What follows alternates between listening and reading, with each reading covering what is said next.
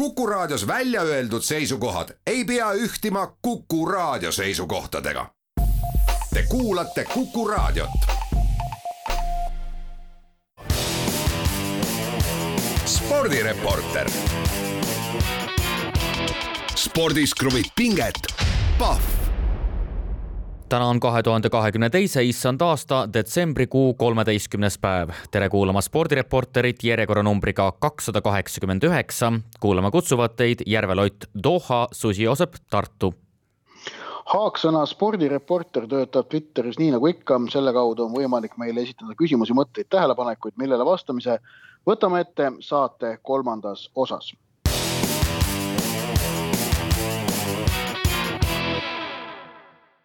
alustame spordireporterit, aga nagu ikka, kiirete ja aktuaalsete teemadega ning jalgpalli MM-finaalturniirist me täna oma saate esimeses osas ei räägi, küll aga teises, kolmandas ja neljandas osas. esimeses osas, esimese nelja teema jooksul käsitleme muid spordiküsimusi ning alustame autoralliga, sellepärast et eelmise nädala teises pooles sai selgeks, mida teeb hooajal kaks tuhat kakskümmend kolm oma sportlaskarjääriga Ott Tänak. Tänak sõlmis lepingu M-spordi meeskonnaga, nii et äh, hooajal kaks tuhat kakskümmend kolm kolme autoralli MM-sarjas osaleva meeskonna esisõitjad on järgmised M-sport ja Ford Ott Tänak, Hyundai Thierry Neuville ning Toyota Kalle Rovampera ja no võiks äh, öelda, et pikk ootamine sai äh, läbi, aga no selge on ka see, et võrdlemisi viimasel hetkel äh, tuli selgus majja, ehk siis mõni päev on ju veel registreerumiseks aega ja tegelikult kahe tuhande kahekümne kolmanda aasta maailmameistrivõistluste hooaeg algab jaanuari teises pooles, täpsemalt üheksateist kuni kakskümmend kaks jaanuar sõidetakse Monte Carlo teedel. aga võib öelda, et kui vaadata ralli maailmameistrivõistluste sarja tervikuna, siis kindlasti sarjale sarja põnevusele on see parim variant eh, võimalikust ehk siis meil on ja. tegelikult kolm tiimi, kolm tiimi ja kõigil kolmel tiimil on selline tugev esisõitja, kes võib kaasa rääkida maailmameistritiitli heitluses ehk siis Romantpere, Toyota, Neville, Hyundai, Tänak, Ford, nagu sa ka ütlesid. et see on esimene selline tähelepanek. teine tähelepanek, et pikka aega räägiti, et küllap Ott Tänak ise teab, kuhu hakkab minema ja nii edasi siis vähemasti kui uskuda Tänaku enda juttu, eh, siis tegelikult Hyundai'ga eh, lõpetas ta lepingu olukorras, kus ta edasisest eh, enda tulevikust ralli kontekstis väga täpselt ei teadnud ja ka tema kommentaarid on ses mõttes olnud väga-väga põnevad, et varuvariant oli sõita lihtsalt kodus oma punase traktoriga ja lükata lund.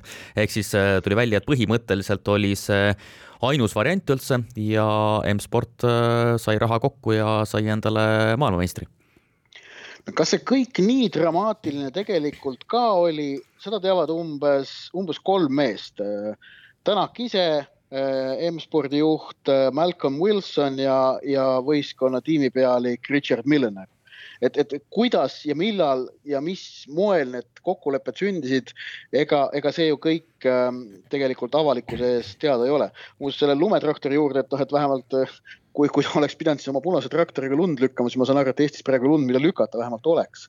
Äh, aga, aga. erinevalt Katarist, jah jah, aga äh, jah, MM-sarjale kõik see tuleb kahtlemata äh, kasuks, et, et tippsõitjad erinevate tiimide vahel laiali jagunevad, nii et kui me siin veel sügise hakul rääkisime üpris murelikult, et mis võib autoralli MM-sarjas kaks tuhat kakskümmend kolm saada, sellepärast et Fordi osas valitses või M-spordi osas valitses ju teadmine, et raha ei ole ja, ja, ja tippsõitja palkamiseks neil finantsi ei jagu.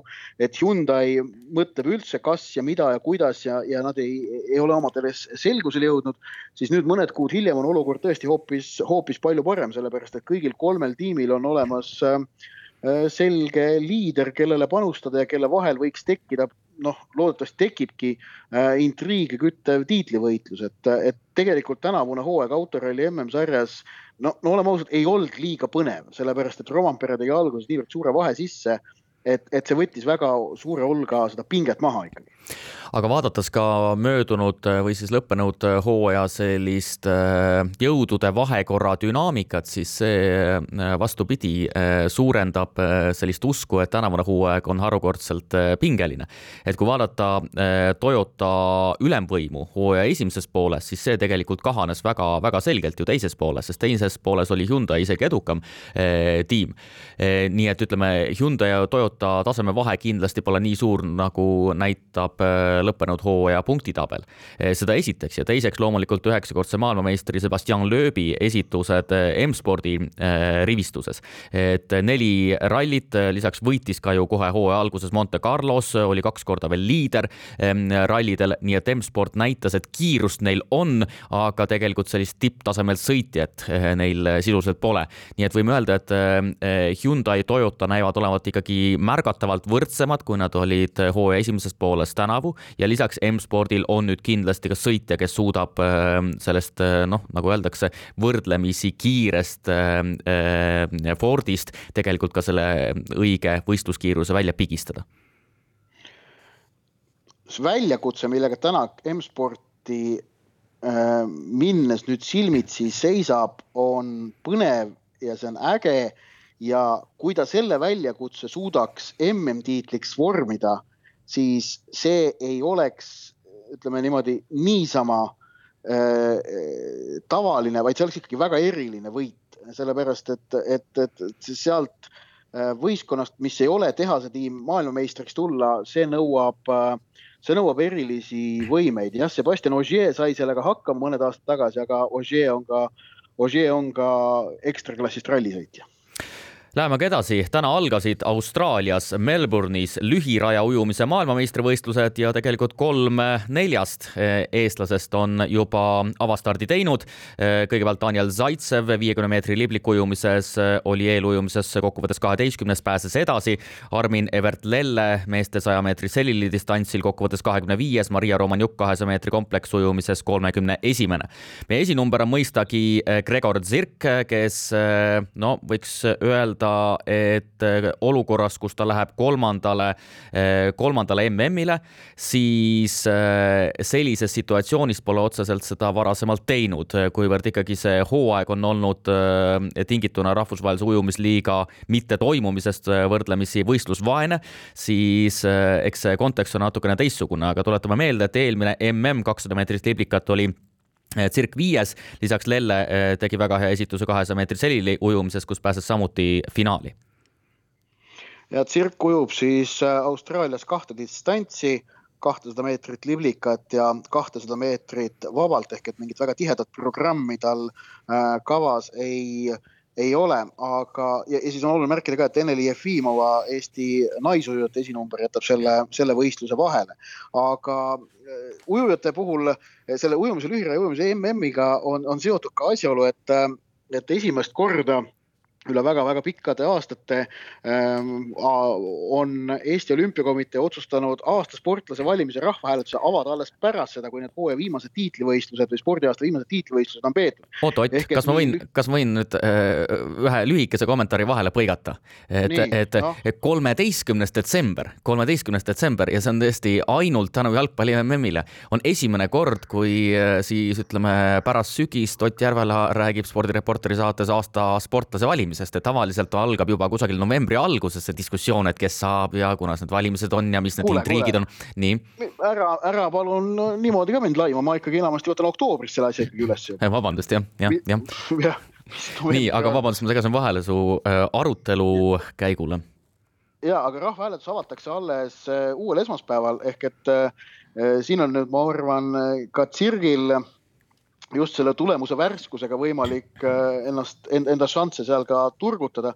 Ähm, nii et ähm, lühiraja ujumisel on selles mõttes jah, nüüd selline täieõiguslik staatus olemas ka selle ühe teise võistluse kontekstis. oota, aga ma. selle märkuse vahel lisada. ja ma küsin igaks juhuks ära kiirkorras, et mis tulemuse peaks Sirk saavutama, et oleks tõsine konkurent aasta meessportlase valimisel?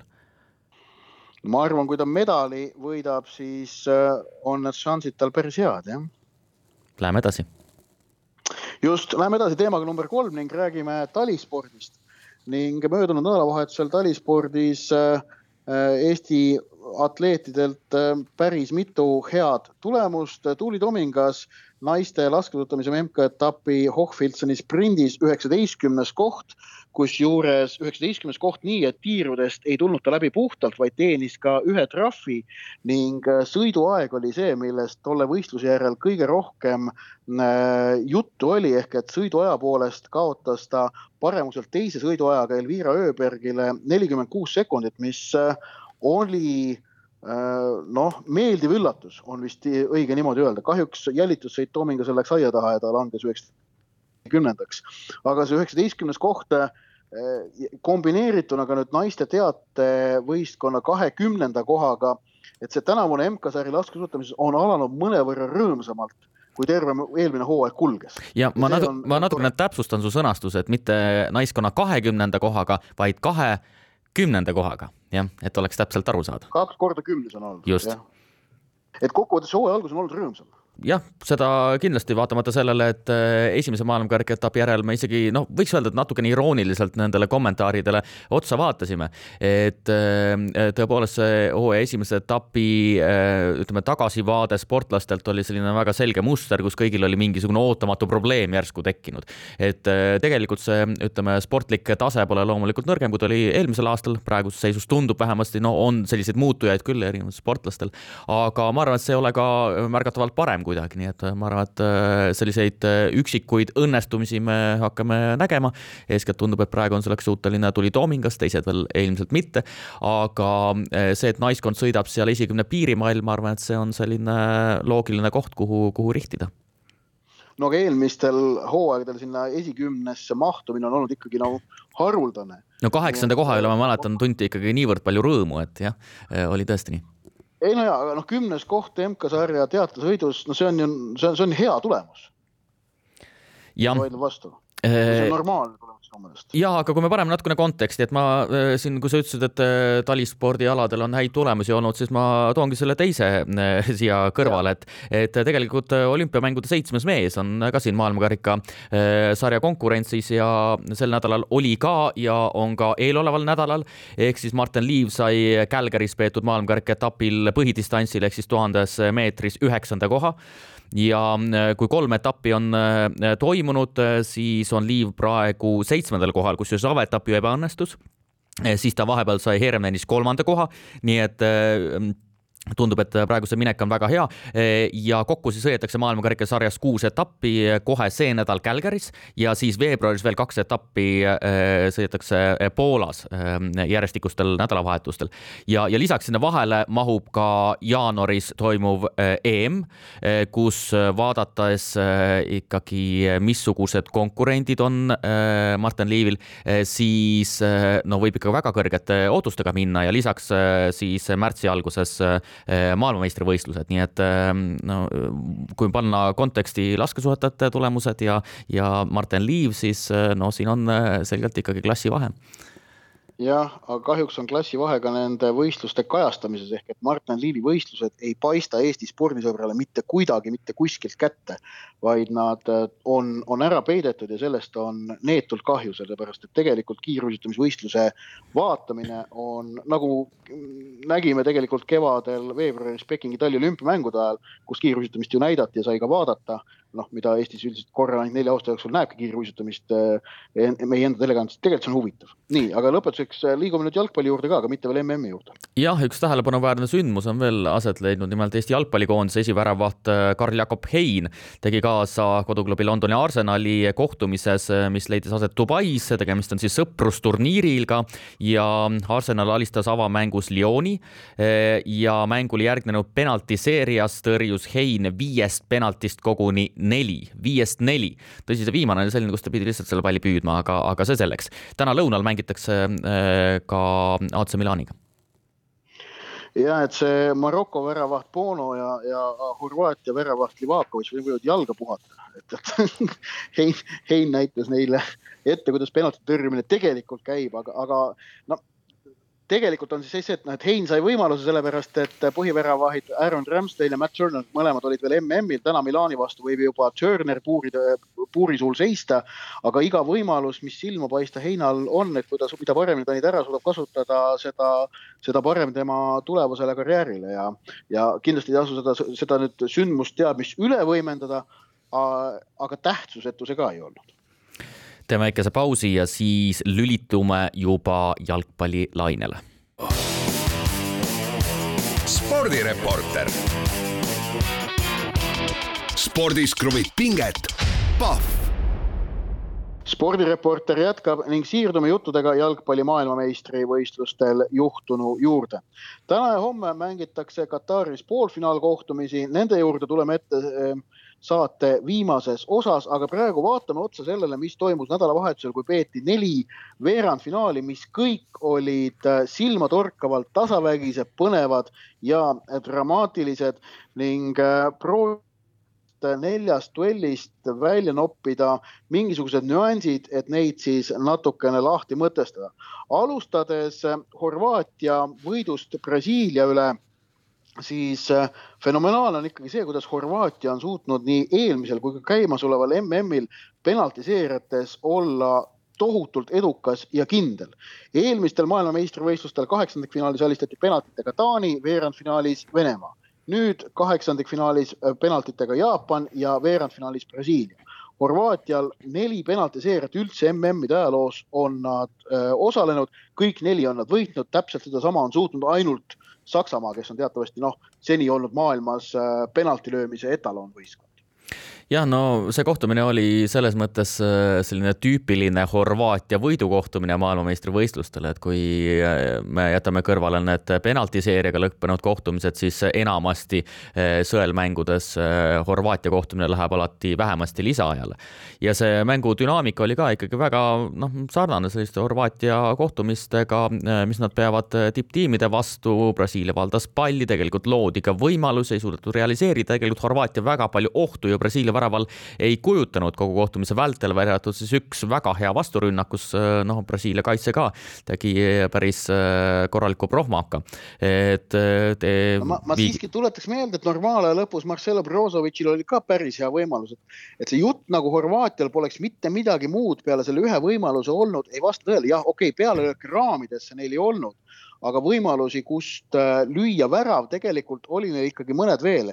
ehk et see Brasiilia mäng, ei tähendab, et viis ründajat platsile, no see, see ja, ja proovivad, et selle toel kõik ära teha, noh, see, see on ikkagi liiga, liigestest lahti, liiga naiivne. minu meelest seda Horvaatia tõestas ära selle. no üks asi, mis tundub, et äh, Brasiilia puhul väga selgelt äh, tuli kahjuks minu arvates nende kaheksandikfinaal, kus nad näitasid väga ilusat jalgpalli ja said nii kindlalt edasi, et selline noh, nautlev, kena selline atraktiivne jalgpall, mida nad, visuaalselt atraktiivne jalgpall, minu jaoks iseenesest nii atraktiivne ei ole, et ütleme, see emotsionaalne tasand, eh, mida pakkus kaheksandikfinaal, et selle pinnalt tulla mängima Horvaatia vastu, on ikkagi päris, eh, päris keeruline.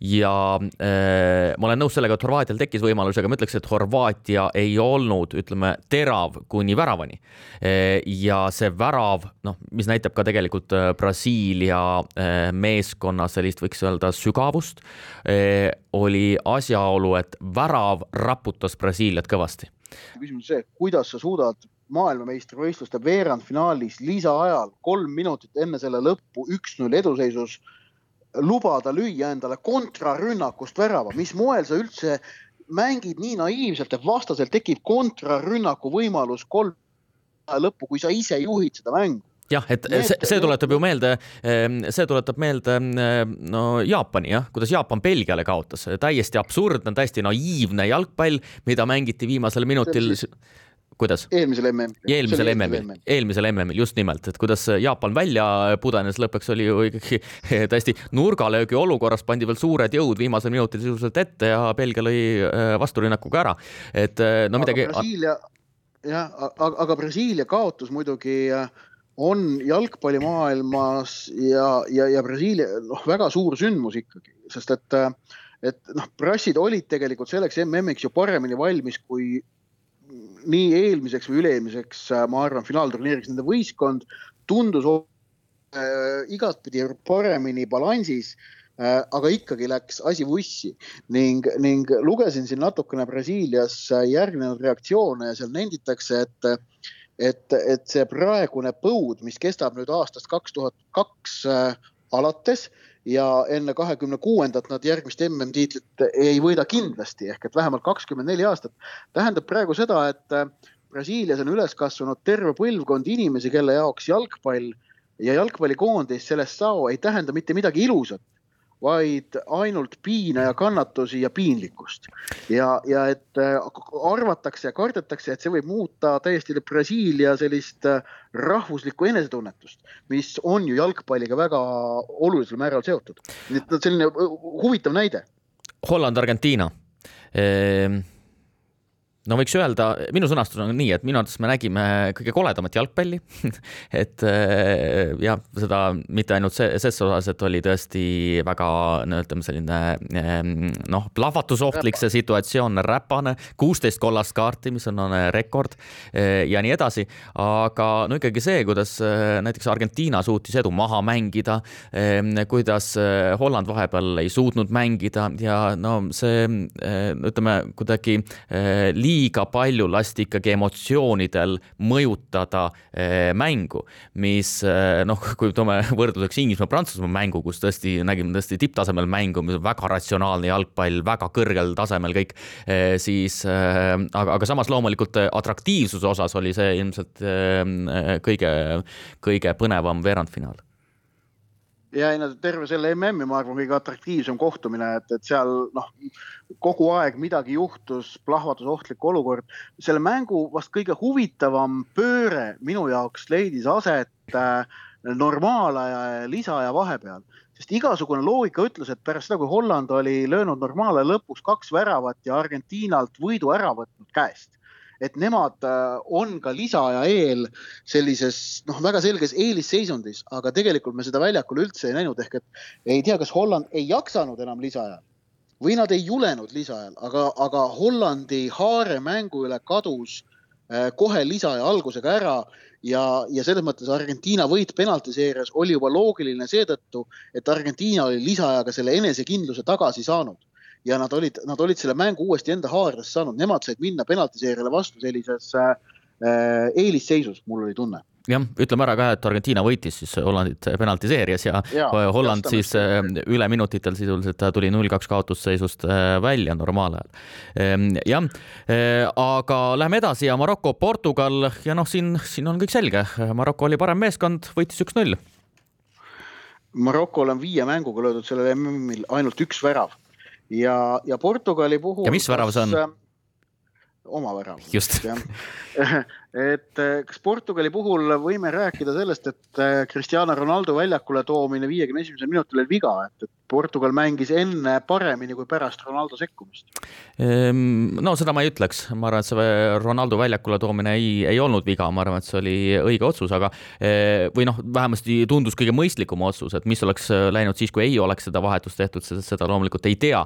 aga no Maroko näitas täpselt sellist mängu, nagu tõestab ka statistika, et ehm, et äh, nad on näiteks kõige kiiremini rünnakule lülituv meeskond, kui vaadata puhtalt söötude arvu, et neil on sellised äh, no, mängijad, kes suudavad väga kiiresti selle palli sinna, sinna ettepoole viia, ründefaasi viia ja keskmiselt ju jõutakse vastase trahvikasti vähem kui kolme sööduga enda väravalt. et vaieldamatult kõige, kõige, kõige kiiremini, et nad on väga-väga kiire, väga plahvatuslik ses mõttes, et neil on väga suurt jõudu, kvaliteeti seal ees, kes suudavad seda, seda toota ja aga vot just nimelt need statistilised näitajad, mida sa praegu välja tõid, et mis on nende äh, tekitamise eelduseks, on tohutult hästi organiseeritud kaitsemäng kui sa oled organiseeritult kaitsnud, siis sul on võimalik niimoodi kiiresti ja plahvatuslikult rünnakusse minna, jõuda kiiresti vastase kasti ja tekitada ohuolukordi. ehk et organiseeritus on ikkagi selle Maroko edu võti.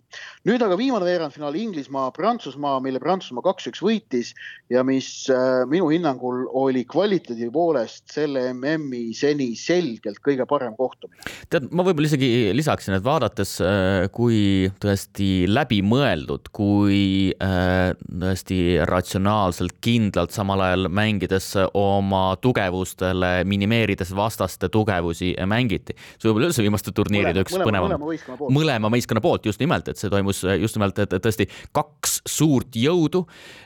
võib-olla selle turniiri kaks kõige tugevamat meeskonda mängisid minu arvates ikka ülikõrgel tasemel, võib-olla üldse viimaste turniiride kõige, kõige, kõige kõrgetasemelisem mäng, et tõesti selliseid individuaalseid eksimusi peaaegu ei, ei olnudki, tõesti noh, suurepärane äh, mäng. aga äh, ja võiks, võiks siis vist öelda, et on varjatud finaaliga tegemist, noh, mingil määral vähemasti noh, suure, suure tõenäosusega, et, et siin on ikkagi kaks jõudu. vaadates, kuidas nad on seda turniiri mänginud äh, ja vaadates selle mees, nende meeskondade sisu, siis mina nimetaksin seda varjatud, varjatud finaaliks, jah ja ma olen selles mõttes nõus, et kui ma ütleme enne veerandfinaale olin ikka veel arvamusel, et äh, suurim võidusoosik on Argentiina, siis nüüd pärast veerandfinaale ma arvan, et Prantsusmaa MM-tiitel on tõenäolisem kui Argentiina oma ja mitte seetõttu isegi, isegi kui poolfinaalide vastased ära vahetada ma arvaksin ikka endiselt, et, et, et prantslaste, prantslased on tunduvalt tugevamad olevat kui Argentiina. prantslastel on see enesekindlus, see võit ja võitmisoskus, mida nad ka Inglismaa vastu näitasid, on ikkagi väga kõrgel tasemel ning Antoine Griezmanni äh, tegutsemine senisel MM-il on olnud suurepärane, Olivier Giroud oma samamoodi ja kõik see kokku näitab seda Prantsusmaa väga suurt mängijate valikut, mille toel nad tegelikult on suutnud äh, üle saada võtmemängijate vigastustest. jah, ma ütleksin äh, lõpetuseks, veerandfinaalide lõpetuseks, et mu meelest see oli viimase poolsajandi inglaste parim võimalus tulla maailmameistriks, aga see sats on tõesti väga noor, nii et võib-olla nelja aasta pärast, aga inglased on nüüd üle pika aja tõusnud ikka väga tugevaks jõuks ka Eh, koondise jalgpallis. spordireporter. spordis kruvib pinget, Pahv spordireporter jätkab ning meie saate kolmas osa kuulub nagu ikka kuulajatelt laekunud küsimustele. kuku raadio stuudios jätkuvalt Joosep Susi, mina Ott Järvela, aga Kataris Dohas Eero on esitanud küsimuse Maroko koondise edu MM-il on esile tõstnud nende tavad ja kombed, kas see on normaalne ja paratamatu, et Euroopa suurlinnades Maroko koondise mängu järel laamendatakse ja rüüstatakse. kas kunagi varem on nähtud, et suuri võite tähistatakse platsil koos emadega nagu Marokos kombeks? ma alustan sellest tagumisest küsimusest, et, et see on tõesti üpriski tavatu, et enamasti me oleme näinud ikkagi, kuidas äh, kuidas kaasade ja lastega mängijad pärast äh, suuri võite väljakul äh, lustivad, et noh, et kõige ägedamad äh, vaatepildid, näiteks ma mäletan kaks tuhat kuusteist Euroopa meistrivõistluste finaalmäng oli, finaalmängu järel oli see, et, et mäng oli umbes kolmveerand tundi tagasi lõppenud, staadion oli, Stade France oli tühjenenud, prantslased olid pettunult koju läinud, portugallased hakkasid ka ära minema, siis saabus keskkaitse Bruno Alves oma lastega ja hakkas Stade France'il jalgpalli mängima nendega. lapsed olid tal vist, ma arvan, mingi noh, kolme-neljased umbes. et väikesed põngerad mängisid Stade France'il äsja Euroopa meistriks tulnud isaga jalkat, see oli päris äge. et aga, aga tõesti, me Maroko meeskonna puhul näeme praegu, kuidas, ähm, kuidas nemad äh, tantsivad ja, ja lustivad pärast mänge oma emadega, kes, kes on tribüünil kõige prominentsematel kohtadel. eks äh, see ole nende kultuuriruumi tava ja see tõesti on teistmoodi, aga aga see on ju, see on ju äh, tõesti ainult huvitav vaadata. aga mis puudutab seda laamendamist ja rüüstamist, siis noh, see ei ole ju tegelikult äh, jalgpalliga üldse seotud, et see on, see on seotud muude ühiskondlike sotsiaalsete protsessidega, miks see kõik niimoodi on? no ma ei tea, minu arvates otseselt jalgpalliga seotud, äh, sest jalgpall on tõukeks, noh, tegelikult me nägime, mis juhtus ka Belgia koondisega. ta, ta, ta on tõukeks selles mõttes, et jah, jalgpallimängu tulemus äh, seda tõukab, aga, aga noh, see, need, need põhjused ei peitu ju jalgpallis, vaid, vaid, vaid hoopis muudes ühiskondlikes protsessides, miks minnakse tänavatele laamendama ja loomulikult jah, aga jah, ma mäletan, et ma olin kaks tuhat üheksateist äh, Pariisis, kui Alžeeria äh, tuli äh, Aafrika meistriks. no see oli ikkagi pöörane, mis seal toimus ja noh, seal ikkagi noh, jah, see oli ikkagi tänavapilt oli ikkagi hoopis teistsugune kui tavaliselt ja seal ikkagi laamendati korralikult, nii et see on noh, mingis mõttes, et see ei ole midagi täiesti erilist selles mõttes, et see on võrdlemisi tavaline isegi püsime jalgpalli juures, Pehme Musumõmmi on Twitteris ka oma küsimuse ikka ära esitanud, nagu iga nädal tal kombeks on. Äh, Maroko jalgpalli MM-i poolfinaalis, kas nüüd on lõpuks siis mõni üllatus sündinud ja samuti, kas Horvaatia teist MM-i järjest poolfinaalis on see juhus või lihtsalt absoluutne eliittase? Kõigepealt, et kas üllatus on sündinud, jah, tegelikult on loomulikult üllatus sündinud. ja nüüd on, jah, et jah. Äh, ei saaks ju öelda, et, äh, et äh, me eeldasime, et näiteks Aafrika meeskond on poolfinaalis või ootasime seda, et pigem mitte, pigem ootasime, et seal on ainult Euroopa satsid pluss Argentiina ja, või Brasiilia ehm, no,. tuletan et... meelde, keda Maroko on alistanud, Belgia, Hispaania, Portugal no, kolm Euroopa tippsatsi. no ütleks, et Belgia alistamine, arvestades, missugust mängu Belgia näitas, ei olnud suur, suur üllatus, et tegelikult oleks võinud Kanada ka täiesti vabalt äh, võita Belgiat. Äh, aga äh, jah, kindlasti on suur üllatus sündinud ja, aga jällegi vaadates, kuidas Maroko mängib ja missugune tegelikult ka selline individuaalne kvaliteet on seal just nimelt ründefaasis, kui, kui kompaktne on see kaitsefaas ja nii edasi. et noh, ses kontekstis ei saaks öelda, et väga suur üllatus on, et nad Portugali alistasid, jah Hispaaniaga võib-olla teistmoodi, aga me oleme Hispaania puhul näinud seda ka varasemalt, et teatud mängustiilid, mis neile vastu tulevad, ei sobi neile. jah, ja, ja, ja nad jäävad sellega hätta. aga teist poolt eh, vastates, kas Horvaatia teist korda järjest vähemalt poolfinaalis juhus või lihtsalt absoluutne eliittase. eliittase on loomulikult olemas, eh, aga väga suur osa loomulikult on juhusel mõlemal, mõlemal korral. et eh, Ott ütleb küll, et penaltiseeria ei ole juhus, aga noh, siin see õnnefaktor on väga suur nagu jalgpallis ikka, aga no selleks laotakse väga tugev pinnas eh, väga meeskondliku esitusega õnnefaktor pole penaltiseerias suurem, kui ta on muidu jalgpallis ta õnnefaktor muidugi on spordis ja jalgpallis olemas, aga, aga penaltiseerias ta ei ole kõrgem kui muudes jalgpalli äh, ja Maroko kohta tahtsime öelda, et, tegelikult üpris sarnane Uruguay jõudmisega esineljikusse kaks tuhat kümme minu meelest, et seal osiseid ja, ja nüansse on samasuguseid. Äh, kas jõuame ühe küsimuse veel võtta? väga kiiresti, mida arvata sellest, et Alaver ja Veerpalu külastavad Kuuse eluloo raamatu esitlust ja sellest, et Alaver seal isegi sõna võtab, esitab Clara meil on vaba maa ja sõnavabadus, aga oleme ausad, eks Eesti spordiavalikkus ootaks Mati Alaverilt ja ka Andrus Veerpalult ähm, natukene teistsuguseid jutte. jah, no minu kommentaar on selles mõttes sarnane, et me võime oodata äh, mida iganes, aga vaba maa ja loomulikult äh, inimesed võivad teha, mis nad äh, soovivad, nii et ei pea midagi arvama sellest. teeme väikese pausi ja vaatame ette maailmameistrivõistluste finaalturniiri poolfinaalpaaridele. spordireporter spordis kruvib pinget, Pahv. täna ja homme selgub, missugune on kahe tuhande kahekümne teise aasta jalgpalli maailmameistrivõistluste finaali koosseis.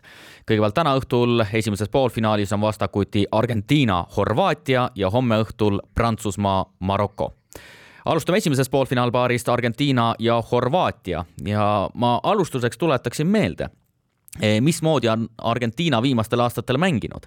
Ja kui unustada ära kohtumine Saudidega või ütleme, et missugune nägi välja Argentiina seeria enne Saudidega eh, mängu, kolmkümmend kuus kohtumist järjest kaotuseta ja ka pärast Saudidega kohtumist pole kaotatud, nii et eh, see ütleb nii mõndagi jah, aga samas tuletan meelde, et mõlemad sõelmängud, mis nad seni on mänginud, on olnud ikkagi väga nugade peal minek, et ega Austraalia vastu võideti kaks-üks, aga tuletan meelde, et seal oli neil vaja ju Emiliano Martinezi viimaste sekundite hiilgavat tõrjet, et see eduseis säilitada. Austraalia oli viigiväravale tegelikult väga-väga lähedal.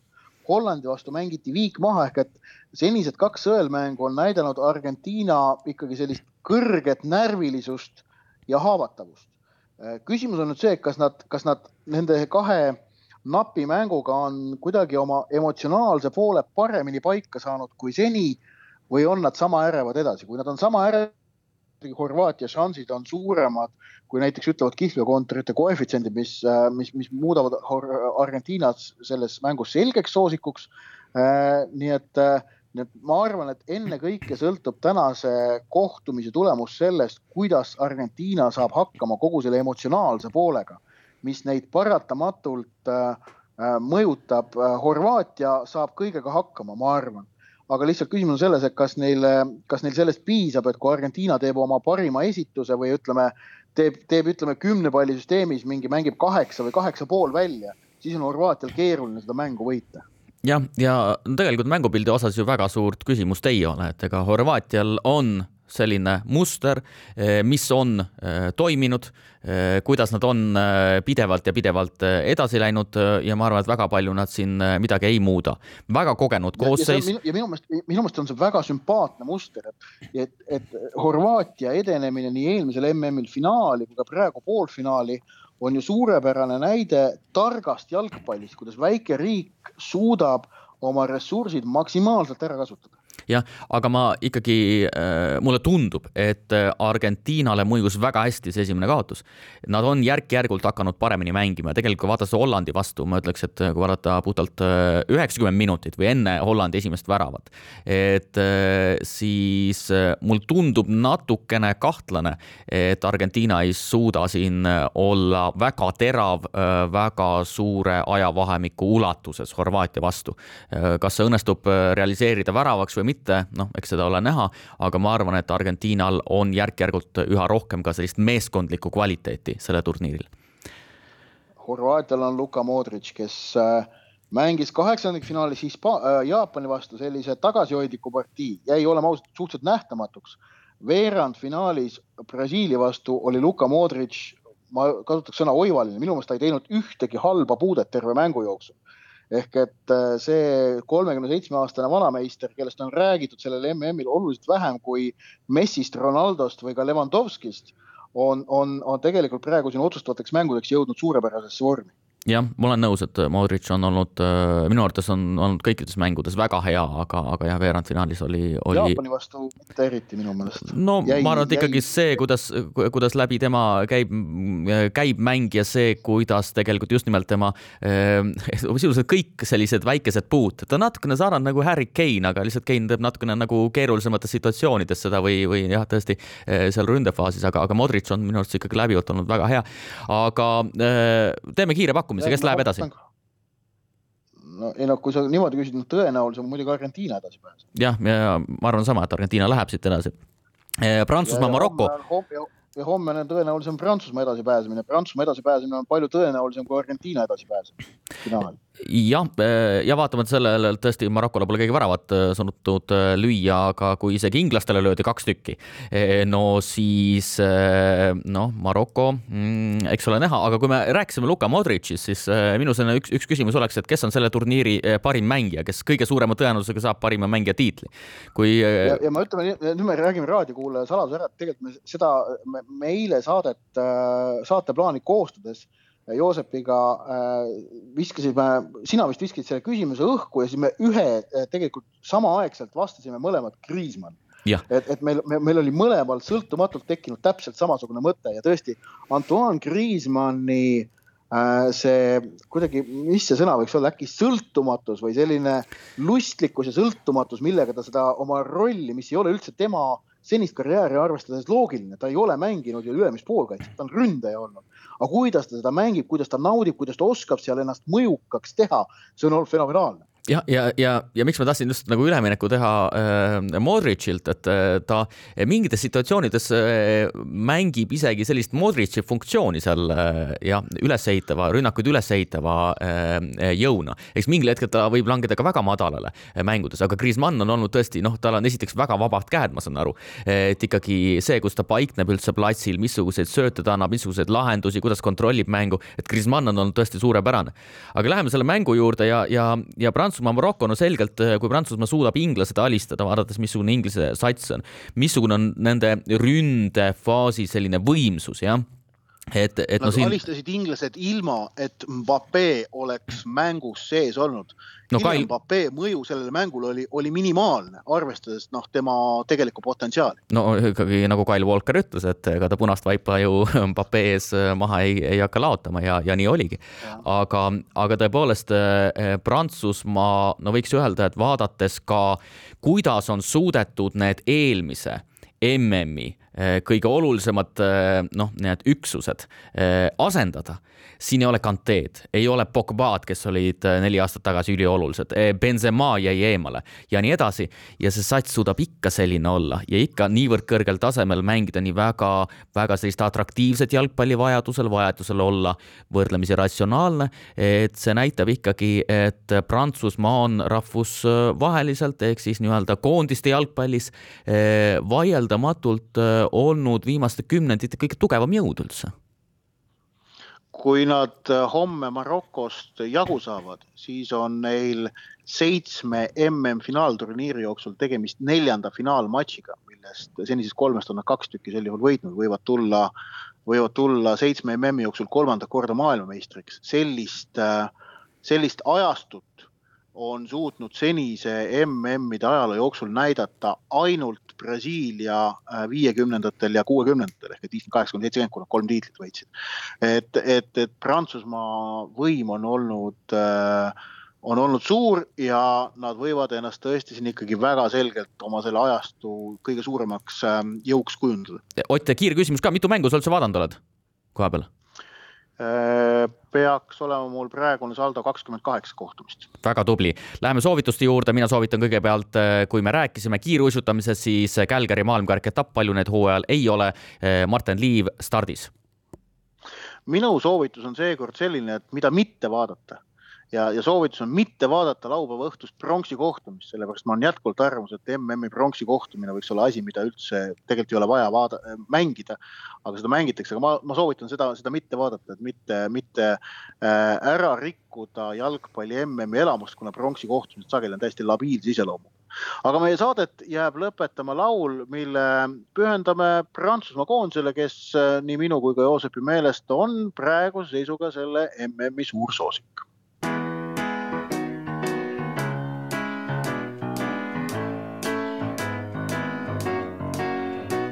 Je me baladais sur l'avenue, le cœur ouvert à l'inconnu. J'avais envie de dire bonjour à n'importe qui, n'importe qui, et ce fut toi. Je t'ai dit n'importe quoi, il suffisait de te parler pour t'apprivoiser. Aux Champs-Élysées, aux Champs-Élysées,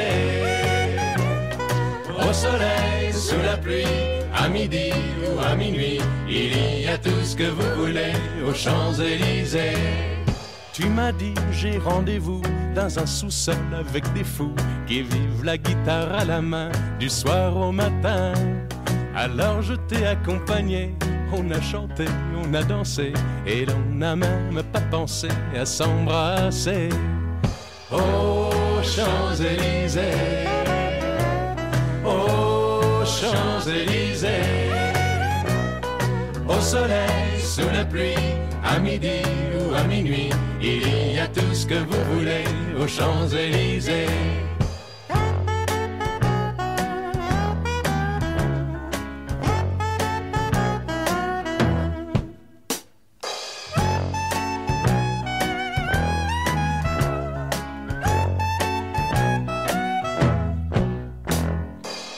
Soir, deux inconnus, et ce matin sur l'avenue, deux amoureux tout étourdis par la longue nuit. Et de l'étoile à la concorde, un orchestre a mis le corps. Tous les oiseaux du point du jour chantent l'amour. Aux Champs-Élysées, aux Champs-Élysées, au soleil, sous la pluie, à midi ou à minuit, il y a tout ce que vous voulez aux Champs-Élysées. Aux Champs-Élysées, aux Champs-Élysées,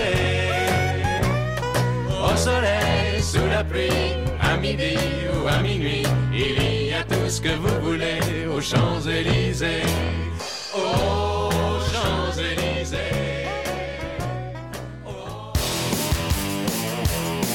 spordireporter. spordis kruvib pinget, Pahv